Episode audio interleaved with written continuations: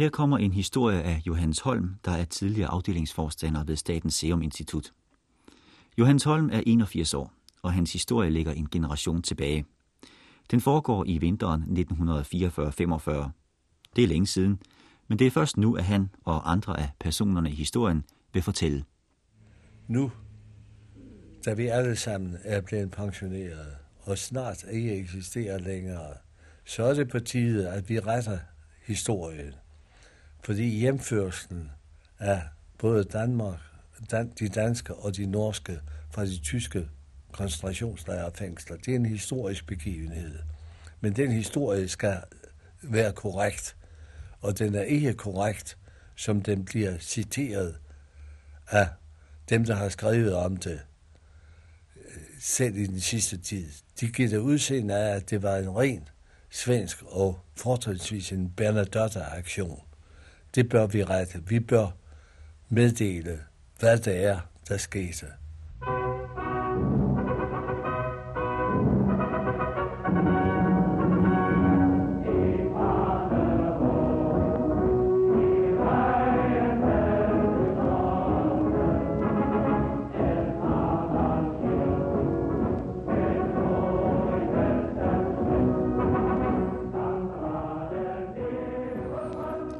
Vi skal tilbage til 1943. Hitlers tropper holder stadig store dele af Europa besat, og men nazisternes strækmars er bremset. Tyskernes fredelige besættelse af Danmark er heller ikke så fredelig mere. Regeringen er gået af, sabotagen tager til. På Kongens Nytorv i København møder to gamle studenterkammerater hinanden.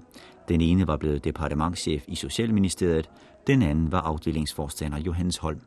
Det var i efteråret 43 han fortalte, at han var lige blevet departementchef, og på det tidspunkt havde Danmark jo ikke nogen regering, og ikke nogen rigsdag, der fungerede.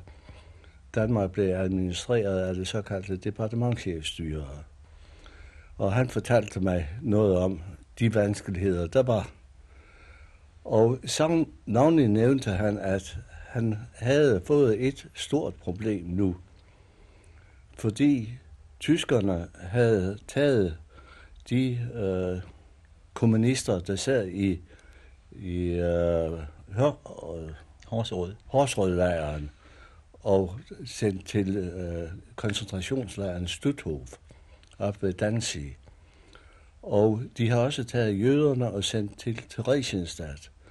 Og han syntes, at det var Danmarks opgave at prøve på at, at gøre noget for dem.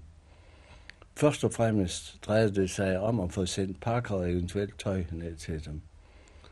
Men øh, senere vil der nok komme mere efter hele den situation, der var i Danmark. Så der vil være brug for hjælp fra nogen.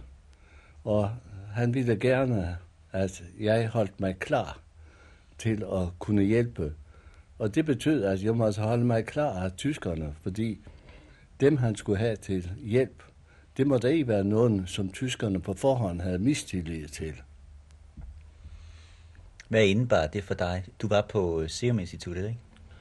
Jeg var blevet afdelingsforstander på Serum Instituttet i 1940 og arbejdede derude. Og øh, det betød, at efterhånden blev man kaldt til nogle møder inde på departementchef Koks kontor i Socialministeriet. Og der mødtes efterhånden en lille flok af væsentlige embedsmænd, som lagde planer for først det angående pakker, men senere for hele det, der blev hjemtransporten af både danske og nordmænd fra de tyske koncentrationslejre og fængsler. Her har vi storm, og her har vi båd. Her har vi sejlet, og sejlet det er flod. Her er storm, og her er båd. Her er sejlet, der er flod. Her er hele Mollevitten, båden samt, hvor der er i den. Adel og borger, præster og bønder, glæder og sorger, og dyder og synder. Mågerne flyr, taber de noget. Vi er alle i samme båd. Her har vi ro. Der var muligheder for at more sig i 1944. Men en lille gruppe embedsmænd havde ikke tid til at ofre meget opmærksomhed på årets revynummer. En sekretær i Socialministeriet, Finn Nielsen, var i færd med at organisere busser, ambulancer og benzin, og at hjælpekorps var ved at være en realitet. En af dem, der var med i den lille gruppe, der altid mødtes oppe i, øh, i departementchefs kokkontor, det var Frans Vass, der var afdelingsleder i Øh, Udenrigsministeriet. Han var chef for den politiske afdeling. Og det var hans opgave at tage alle de praktiske forhandlinger med tyskerne. I de sidste måneder af 1944 skete der det, at det lykkedes for Frans Vast i sine forhandlinger med tyskerne og for udvirket, at de, nogle af de syge politifolk, der var sendt til koncentrationslejren Buchenwald, måtte komme til Danmark. De argumenter, han brugte, det var, at han havde meget stærke forhandlinger med tyskerne.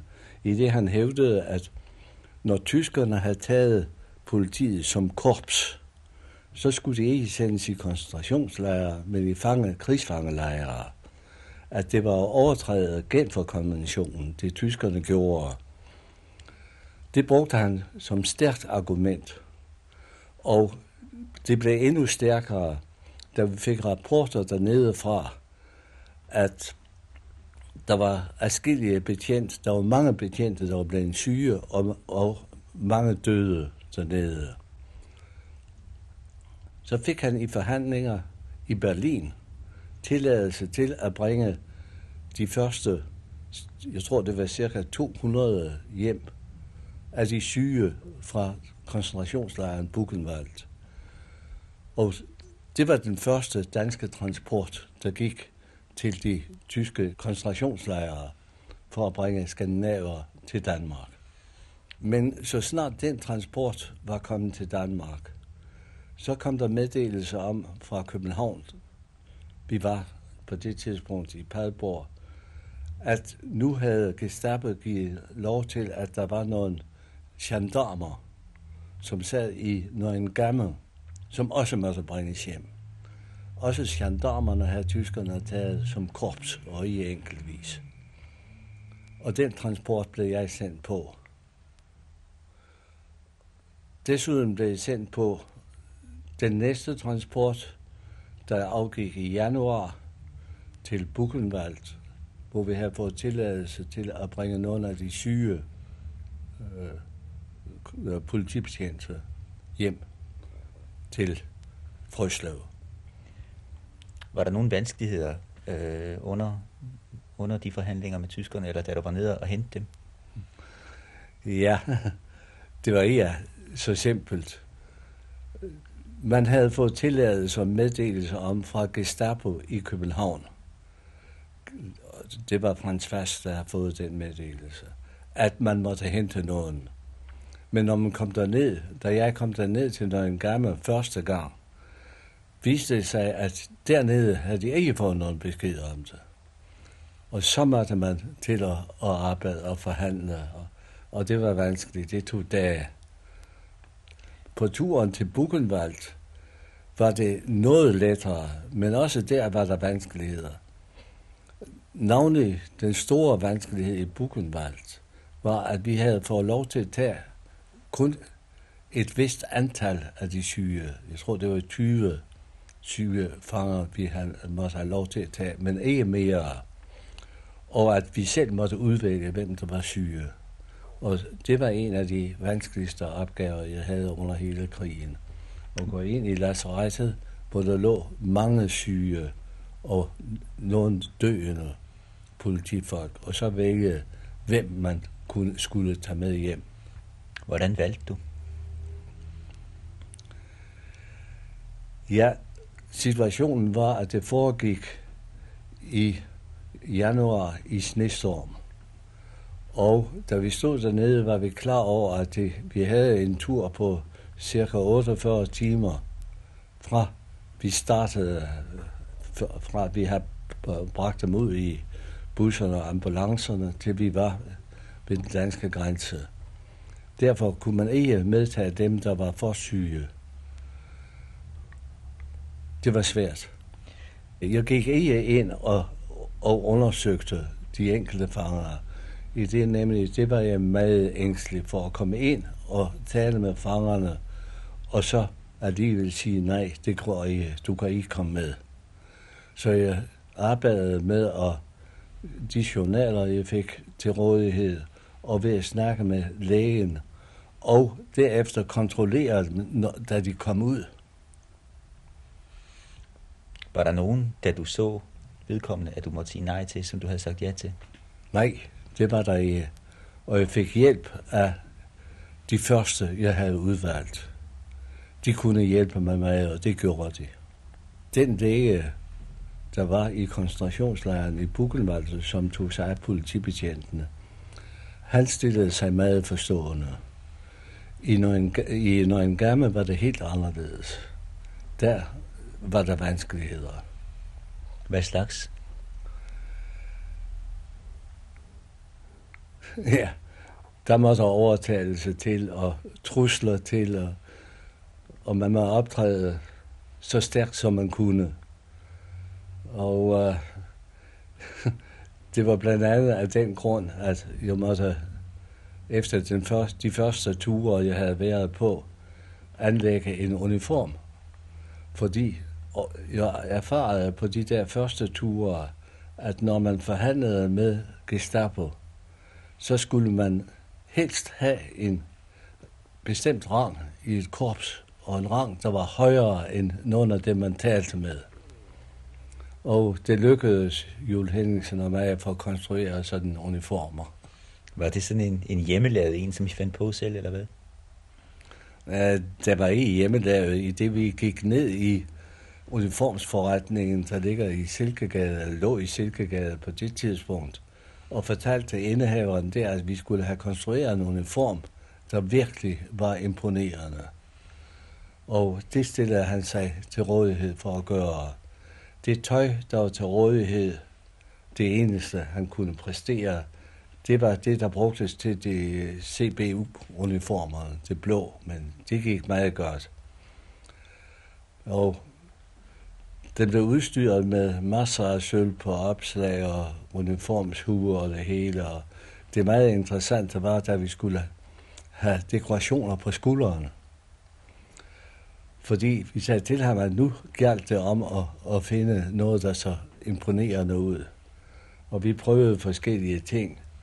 Men vi endte med på hans forslag og på hver skulder at få en stor generalstjerne og en kongekrone. Og det havde den fordel, at der ikke var noget som helst uniformeret korps, der havde de dekorationer i Danmark. Så vi kunne ikke i Danmark blive mistænkt for at tilhøre noget bestemt korps. Men i Tyskland virkede det. Var det sådan, at øh, de følgende forhandlinger og samtaler blev lettere, fordi det ikke var, var Dr. Holm i civil, der kom, men øh, en militærisk person? Ja, det var det. Ikke alene, når jeg, når jeg forhandlede direkte i øh, koncentrationslejrene, men også da jeg senere kom til at, at forhandle i Gestapo-hovedkvarteret i øh, Berlin.